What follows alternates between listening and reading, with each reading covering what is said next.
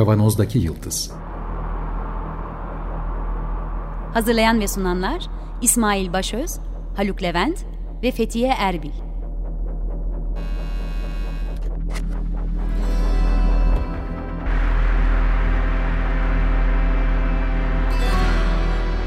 Bugünün penceresinden geleceğin ayak izleri.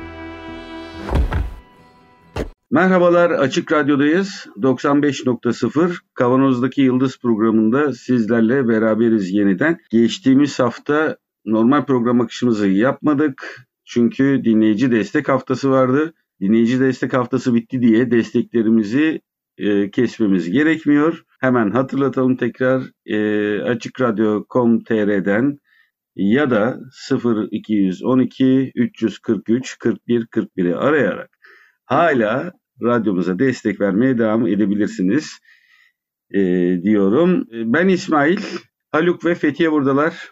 Merhaba. Selamlar.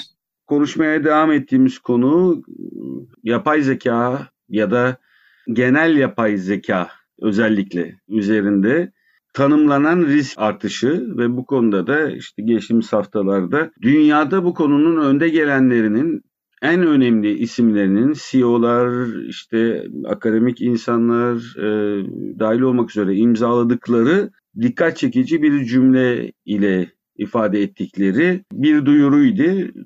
İnsan varoluşunu tehdit etme ihtimalinden bahsetmişlerdi ve buna karşı genel yapay zekalarının antrenman süreçlerini, eğitim süreçlerini durdurup değerler ve etik bir hmm, ne diyelim e, kararlar doğrultusunda yeniden başlanmasına dair bir çağrı yapmışlardı. Yani aslında kabaca regülasyon, güçlü bir regülasyon olmadığı sürece bu işe geri dönmenin anlamı yok demeye çalışıyorlardı.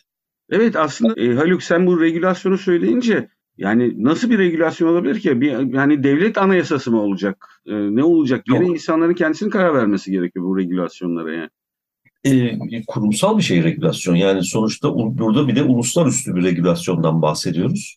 E, çünkü tek başına bir ulusun ya da ulusun iç işi değil. Bu, burada ortaya çıkan şey küresel düzeyde etki gösterecek bir şey. Tıpkı e, gen araştırmalarında olduğu gibi.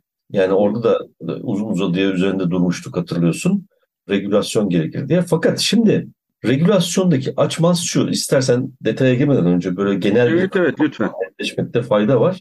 Şimdi regülasyon bir piyasa ekonomisinde eşitsiz mübadelenin söz konusu olmasından ötürü. Neden eşitsiz mübadele oluyor? Bir tarafta atomize bir sürü birey, tüketici gibi.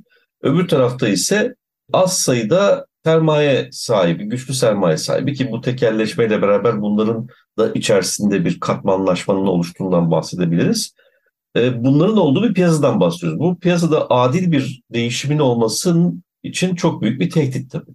İşte o zaman kamu otoritesi bu adil kabul edilen fiyat üzerinden bir değişimin olması için ve güçlü pozisyonda olan doğası gereği güçlü pozisyonda olan şirketlerin ya da bireylerin kendi kendilerine avantaj yaratmasını engellemek üzere çok fazla sayıda araç ile ve her bir piyasa için farklılaşan araç ile müdahale ederler. İşte bu müdahalelerin genel ismi regülasyondur. Mesela asgari ücret bugünlerde çok konuşuluyor. Değil mi? Asgari ücret işte normal bir ekonomide bizim gibi bir ekonomide asgari ücretin medyan ücret haline yani ortanca ücret haline dönüşmesi e, başka bir benim benim bildiğim başka bir ülkede yok böyle bir durum.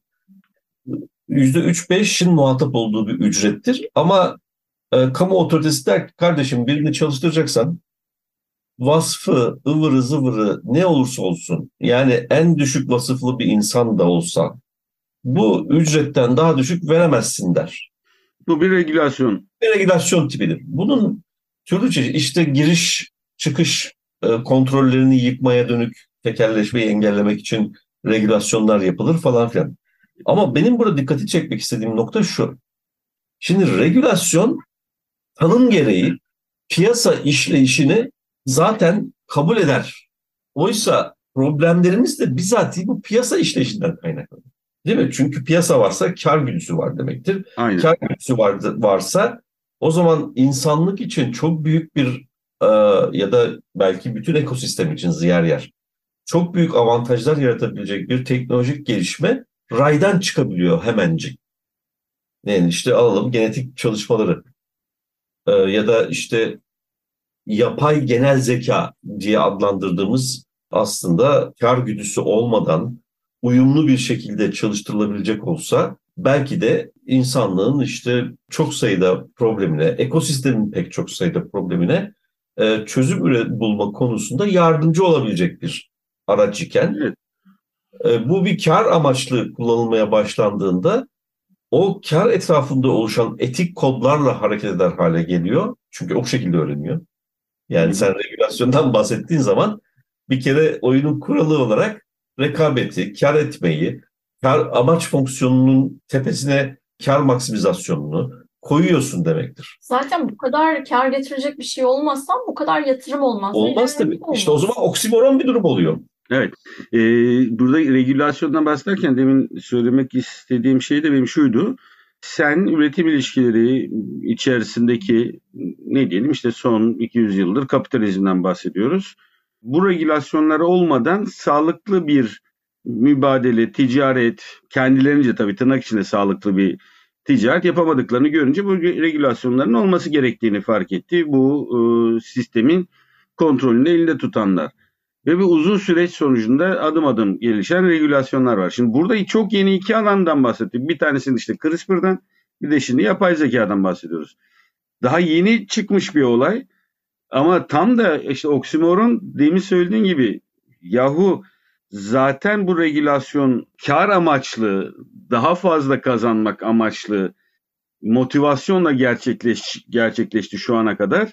E şimdi ahlaki değerleri mi koyacağız bunun yerine? Yani etik ve etik değerleri mi koyacağız? Nasıl bir regülasyon olacak yani İşte burada? bu regülasyondan kastedilen bu böyle her kapıyı açan bir maymuncuk haline dönüştüğü zaman kavramın içeriği boşalmış oluyor ve dolayısıyla aslında biz konuşurken kendi aramızda anlaşamaz hale düşürüyoruz. Yani evet. hakikaten regülasyon nedir şimdi bu, bu alanda?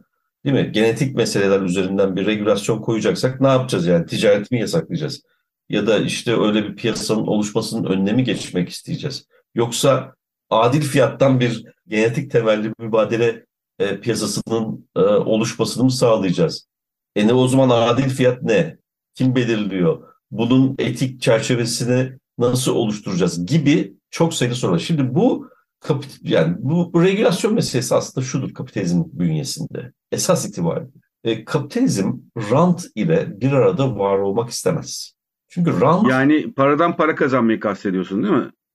Herhangi bir yani illa paradan para kazanmak değil. O da bir parçası tabii. Ama kamu karar süreçlerinin monetize edilerek, parasallaştırılarak birilerine peşkeş çekilmesi. Yani üretici herhangi bir faaliyet gerçekleşmeden bir kullanım değeri transferinden bahsediyorum. Yani rantın çok kaba tanımı bu. Şimdi bu çünkü kapitalizm öncesi ekonomi biçimlerine özgü bir artık türüdür. Çok özür dilerim ben şaşkınım. Kapitalizm bunu sevmez dedim. Bizim gördüğümüz kapitalizm tamamen bu gibi yaşanıyor şu an. E işte bir dakika oraya geleceğim ben şimdi. şimdi asıl büyük tartışma benim uzun uzun yıllardır üzerinde durduğum mesele bu zaten. Teknoloji de bunun tam göbeğinde yer alıyor. E, o yüzden bu yapay genel zekanın radikal dönüştürücü bir karakteri de burada ortaya çıkıyor. Yani sadece bir varlık yokluk meselesinin ötesinde. Diyelim ki o açıdan mükemmel bir şekilde zapturapt altına aldık yapay genel zekayı. Halen büyük problem var. Bu nedenden ötürü. Şimdi ne, ne kastediyorum? Ben şuradan kaba daha önce herhalde uzak, uzak geçmişte galiba bu tanımı vermiştim. O yüzden hatırlamakta fayda var. Feodalizmin tanımı nefis bir tanımdır. O yüzden hiç o tanım hep aklımın köşesinde durur. Kamusal gücün özel ellerde toplanmasıdır diyor. Public power in private hands. Şimdi bu bugüne baktığın zaman bu optikten iktidar süreçlerini tahlil etmeye başladığın zaman ulan bu neresi kapitalist diyorsun? Çünkü kapitalizm ranta karşıdır. Çünkü şöyle bir durum var. Kapitalist ilişkiler içerisinde yani emek sermaye ekseninde gerçekleşen üretim ilişkisinde, üretim sürecinde ana akım iktisat der ki her üretim fonksiyonu dört tanedir onlar. Her üretim faktörü üretim süreci içerisinde aldığı rolün karşılığında bir gelir elde eder. E sermaye kıt olduğu için o daha çok olur. Emek bol olduğu için o daha düşük olur. İşte onlar biraz yoksul olabilirler. Ötekiler ama işte olmazsa bunların çalışması mümkün olmaz gibi bir ahlaki e, savunma mekanizması da geliştirir. Eşitsizliği e, kabul edilebilir kılmak için. Ama şimdi bu böyle bir küre düşünelim. O kürenin çekirdeğinde bu ilişki ağı yürüyor. Bizim bildiğimiz kapitalizm yani. Eşitsizlik üreten bilmem ne falan filan. E bunun etrafında işte finans sektöründen gelen, imar gibi kamu karar süreçlerine bağlı olarak ortaya çıkan e, ya da teknoloji gibi işte bilimle asimetrik ilişkisinden başlayarak ama ondan onunla da sınırlı kalmayan, giderek büyüyen ve çok somut bir örnekle bir çipin fiziksel olarak üretim maliyeti 1 doların altında. Ama satış fiyatı 100 dolarlar civarında. Değil mi? Birkaç yüz dolara giden çipler de var. E peki bu aradaki fark esasında... Taleple mi ilgili bu? Taleple ilgili değil. Yani fonksiyonelite şu bu. Onların kalacak olursanız işte şeyde falan da mRNA aşılarında da e, aynı şeyi söylediler. E, efendim biz buraya bir dünya yatırım yaptık. E, ne için? ARGE için. E, işte e, tamam da o ARGE bilim olmadan o ARGE olur mu? Yok. E, o zaman bilime ne yaptın diye sorduğun zaman işte o asimetrik ilişki oradan başlıyor. E, ama e, büyük şirketlerin şeyine baktığın zaman ilaç şirketlerinin mesela Pfizer bulmadı ki. E ne oldu? ARGE yatırımı mı var? Yok. Hiç öyle ARGE yatırımı bilançolarda falan baktığında o evet. ortaya çıkan karları justify doğrulayacak kadar yüksek değil. Yani bu bu bu lafsı kapitalizmin içine sindirmek mümkün değil. Şimdi dolayısıyla ama böyle bir rant varsa imar en kolay imar rantı anlaşıldığı için onun üzerinden gidiyorum genelde. Bu imar rantı üzerinde ya da benzeri rantlar üzerinden oluşan bir kabuk var. Bu küreyle kabuk arasındaki mesafe büyüdükçe kapitalizm bundan rahatsız olur. Neden? Çünkü o kabukta o rantı elde edip bölüşümde varlar ama üretimde yoklar. Şimdi bu kapitalizmin işte bu ranta karşı çıkması da buradan kaynaklanıyor. Çünkü bu esas itibariyle o üretim ilişkileri içerisindeki sermayeyi de rahatsız eden bir şey. Peki buradaki olası regülasyonları değer üzerinden mi, ne üzerinden yapacağız buraya işte, bağlayalım? E, iktisadi işleyişi benim kişisel kanım yani kişisel görüşüm. E, piyasa mekanizması içerisinde bu tür büyük bir dönüştürücü güce sahip teknolojik gelişmeleri piyasa mekanizması içerisinde re, iktisadi olarak regüle etmek mümkün değil. Hı hı. Bu bir büyük problem. Bunun çözümünü ben gerçekten çok tarıyorum, ediyorum, okuyorum. Ana akımı da takip ediyorum. Daron Acımoğlu da çok yazıyor bu konuda. Henüz böyle bir şey göremedim. Dolayısıyla regülasyon dediğimiz zaman o zaman etik kodlar açısından bir regülasyondan bahsediliyor demektir. Değil mi? Şeyin mesela e, Dudna'nın, Jennifer, Jennifer Dudna'nın evet. E, dediği şey o. Yani arkadaş biz bunu yapalım iyi güzel ama bu işin içerisinde kar motivasyonu girdiği zaman etik açıdan herhangi bir sınır tanımıyor insanlar. Evet zaten o tarafta da o regülasyonu yapamıyorsun evet. doğru düzgün. Temel olarak kar motivasyonu giren yerde bu regülasyonu yapamıyorsun. Şimdi yine kar motivasyonu girdiği bir yerde etik regülasyon yapacağım. Bu çok e işte o, o zaman da bu piyasa üzerinden bizim bildiğimiz iktisadi regülasyondan bahsetmiyoruz demektir değil mi? Çünkü etik etik standartlar açısından bir regülasyon getireceksen o zaman o şu olacak. Onu üretme, bunu yapma, onu şöyle yapma, bunu böyle yapma şeklinde bir şey olması lazım. Öyle değil mi? Bir etik kod olacak. Bu etik kodun sınırları içerisinde bütün faaliyetin, iktisadi faaliyetin dahil olmak üzere bütün faaliyetin bu etik kod sınırları içerisinde gerçekleşmesini sağlayacak zorlayıcı bir e, kurallar bütününden bahsediyoruz demektir regülasyon olarak. E şimdi bu nasıl olacak? Yani bu bizim daha önce gördüğümüz bir şey değil. Burada bir de şeyi de düşünmek lazım. Bunu bayağı 2-3 sene önce konuşmuştuk. Çok büyük şirketlerin sınırları aşan artık karar alma ve e, hem teknolojiyi hem toplumsal yapıyı değiştirme güçlerinin olması, birkaç büyük teknoloji şirketi, servis şirketi, hizmet şirketi, Amazon mesela onlardan bir tanesi, dünyadaki birçok ülkenin gelirinden daha fazla kâra sahip ve bir sürü ülkede üretim ve satış faaliyetlerini ve geliştirme faaliyetlerini yürütürken kendi çıkarına uygun ülkelerin regülasyonundan kaçıp hani oraya doğru gitme gibi böyle çok sınırlar üzeri e, hareket edebilen kendine has mekanizmalara dönüşmüş durumdaydı. Sanki şu anda evet, biz... Mesela İrlanda gibi ülkeden bahsediyorsun değil mi? Herkesin gidip İrlanda'ya... Evet, Vergi evet. cennetleri. Sadece o açıdan da değil yani. Mesela TikTok'un çokça konuşuluyor Amerika'da bu e, yargılanması meselesi TikTok'un CEO'sunun. E, işte e, Çin'de izin verilenleri gelişim aşamasında Çin'de yapıp sadece uygulamayı satmak için Amerika'ya kullanması ama bir yandan da Çin'de aldığı izinlerle e, Amerika gibi ülkelerde de e, o verileri toplayabilmesi gibi böyle. Yani hangi regülasyonun hangi kıta ve ülke sınırında durdurabileceğinin bir şeyi yok şu an. Fiziksel bir sınırı yok. Yani Evet. Bir, arasılığı farklı bir boyut kazandı. E bir de bunun üstüne şeyi koysana Shoshana Zuboff'un davranışsal artık kavramını falan koyduğun zaman rantın ucu bucağı olmadığı gibi kon, toplumsal kontrolün de ulusal sınırların dışında küresel boyutta ortaya çıkıyor. Şimdi bunun üstüne bir de işte o meşhur geçen iki haftayı çok e, meşgul eden bir nedir simülasyonda kendisine komut veren generali e, vurduğu haberi e, sonra firma tarafından ya- yalanlanmış olan e, Evet ama ama sonuç itibariyle Bu bir, güçlü bir ihtimal. güçlü bir ihtimal. Yani Bir çünkü dakika o zaman kısaca bir söyleyelim ne olduğunu da Tamam. e, dinleyiciler biliyor mu? Bir simülasyon yapılıyor bir yapay genel zeka ile. Hedefleri e, yok etmesine ki silaha döndürecektim ben de hemen e, sohbeti. Yeri gelmişken bu örneği de verelim. Bu şekilde eğitiliyor. Ona gösterilen hedeflerin yok edilmesi yönünde eğitiliyor. yani drone'a yapay genel zekayı şey yapıyor. Hedefi kendisi belirleyecek, kendisi vuracak. E, bu simülasyonda e, sonra kontroldeki insan, gerçek insan hayır onu vurma diyor. Çünkü işte o değil bizim aslında hedefimiz.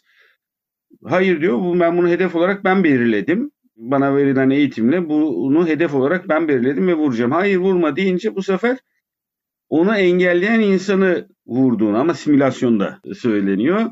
Veya peşinden de hatta komuta merkezini vurduğunu. e, Yani şey kodu değiştiriyorlar. Ee, İşte komutanı vurma diye bir patch ekliyorlar algoritmaya. evet. O anda e, gelen emir sinyal kulesini Ha, firma tarafından da yanlışlandı böyle bir şey olmadı diye ama sonucunda ortaya çıkan şey demek ki belli bir aşamadan sonra yapay zeka zaten bütün yapay zeka yaratıcılarının da söylediği ortak nokta hep şu buna öğrenmeyi öğretiyoruz ve artık bir yerden sonra nasıl algoritmalar geliştirdiğini biz de bilmiyoruz. Hatta bu işte Facebook, Instagram vesaire gibi sosyal medyalar içinde söylenen bir e, sadece silah kontrolü yapan bir yapay zeka için değil, bu sosyal medyalarında algoritmasını geliştiren yapay zekalar için söylenmişti. Ondan sonra artık kontrol biraz yapay zekaya geçiyor. Ama o hedef doğrultusunda yani gidip üzümü toplamak değil oradaki hikaye aslında ilginç şekilde. Şimdi sana onu söyleyecektim Haluk. Paradan bahsettik, kar hırsından bahsettik. Ama aynı zamanda bir de başka boyutu var. Uluslararası ya da ulus içi her neyse silah kullanımını gerektiren durumlarda da yapay zeka aslında artık çok fazla endişe yaratan boyutlarda tartışılıyor. Evet yani ben bu bu meseleyi ilk kez 2000 yılına doğru Star Trek gibi bir bölümünde görmüştüm. Yani orada çok benzer bir şey vardı. İki medeniyet savaşında otonom drone diyorlar bunlara. Hı hı. Yani kendine karar veren nereyi ne zaman vuracaksın ama önden bir algoritma çerçevesinde yüklüyorsun hedefi. Tarif ederek falan filan. Ondan sonrası öğrenme süreci oraları biraz karanlık yani. Karanlık kutu diyelim. Onun içinde ne olup bittiğini tam olarak bilemiyoruz, takip edemiyoruz. Ama algoritma var sonuçta. Algoritmayı kendisinin değiştirme kabiliyeti var mı yok mu onu tartışıyorlar. Onu ben henüz öyle bir şeyi okumadım yani. O işi başka boyuta getirir çünkü. Kendi algoritmasını kendi yazıyorsa. Ama ondan emin değilim. Şimdi fakat öğrenme sürecinde haliyle bir savaş söz konusu olduğunda rakibin aldatmalarını da dikkate alan bir algoritma ve bunlara karşı önlem içeren de bir algoritma olduğu zaman bütün her yerden kapatıyorsun o zaman. İşte o, o bölümde de öyle bir durum vardı. Yani dronlar harekete geçtikten sonra barış oluyor. Ama durdurmayı başaramıyorlar falan işte. Neyse Atılgan Allah'tan oralardaydı da durdurdu. Şimdi bizim dünyamızda öyle bir durum da yok. Şimdi bu drone meselesi ben uzun zaman önce aslında bir Fransız yazarın e, drone ve savaş ahlakı, değişen savaş ahlakı üzerine bir kitabını e, e, görünce okuduğumda hatta ne zaman 2016 falan 17 bu programa yeni başladığımız zamanlardı yani. O zaman çok etkilenmiş. Çünkü orada şöyle bir durum var. Bu Amerika'nın savaş teknolojisi drone temelli hale gelince bir etik tartışma başladı. Yani çünkü bu dronlarda sivil zayiatı büyüyor.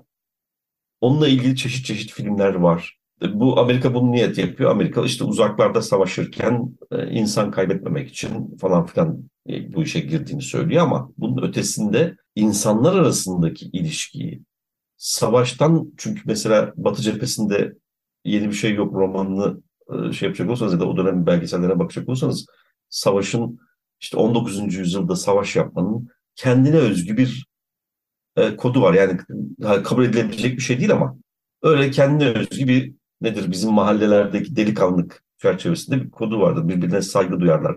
İşte ölülerin, cenazelerin kaldırılması çünkü sonuçta ölü cenazeye saygı son derece önemli bir şeydir bir toplumda ve savaşın et, tırnak içinde söylüyorum yani kesinlikle karşı çıkıyorum ama e, bu anlamda bir kural düzenlemesi vardı. Şimdi drone bunu yok ediyor. E, zaten otonom silahlar diye geçiyor hepsi. Sadece sadece drone, evet. drone değil. Otonom silah öncesinde de çok sorunlu bir alandı drone meselesi. Hı hı. Onu demek istiyorum. Hı hı. Şimdi bir de bunun üstüne sonuçta insan karar veriyordu. Yani vurayım vurmayayım bilmem ne. Onun üzerine bir sürü filmler falan da vardı. Orada çok dramatik hikayeler, gerçek hikayelerden kaynaklanan filmlerdi bunlar üstelik. Ee, yaşanmıştı yanlış hedef vurma, şu bu falan.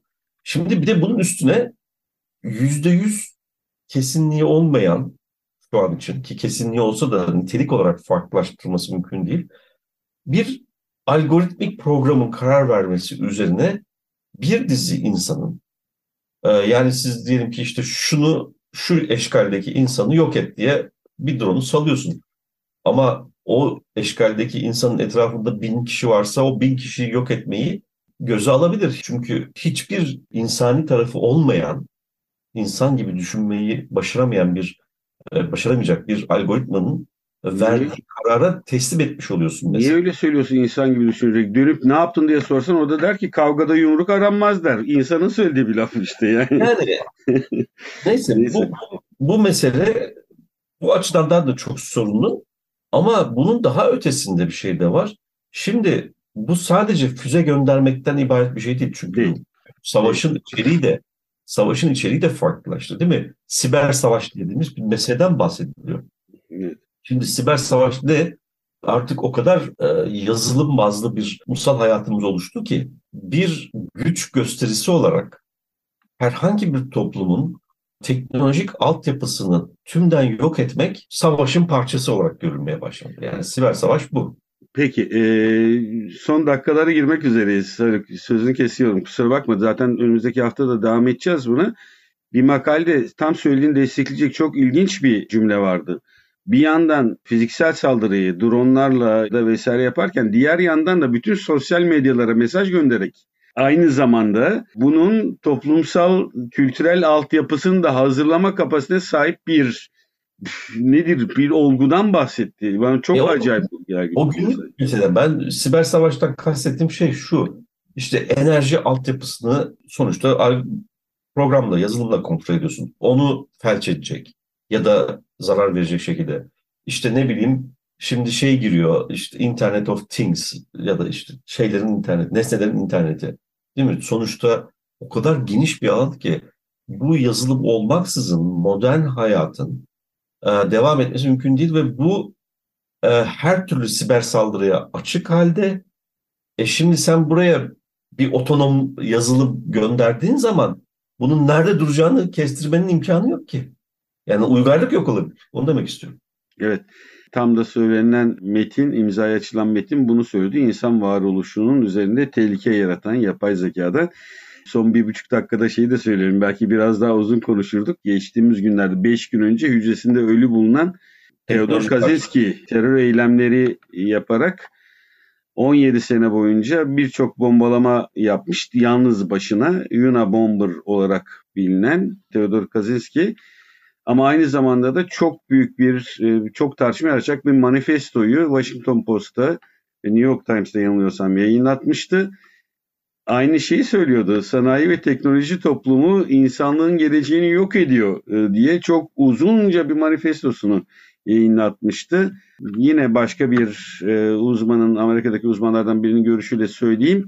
Yaptıkları tamamen yanlış elbette ki sonucu itibariyle fiziksel zarara yol açan insanları yaralayan, 23 insanın yaralanmasına, 3 kişinin ölmesine yol açan uzun süreli bombalamalar var.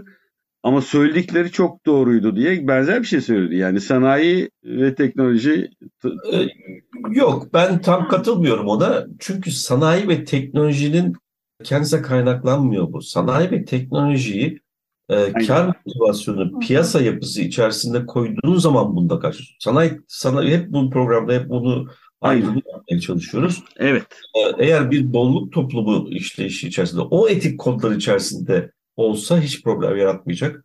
Tersine yaratıcılığın, sınırsız yaratıcılığın önünü açacak bir e, eylemlilikten bahsediyoruz burada. Bu da bizim programın manifestosu olarak benim de imzamı attım. Hepimizin imzasını attığımız yaklaşım doğru. Programın başından beri konuştuğumuz toplumun faydasını, kamunun faydasını değil, karı e, önceleyen çok basit bir indirgemeyle söylersek yaklaşımlar bizim başımıza en büyük belayı açıyor.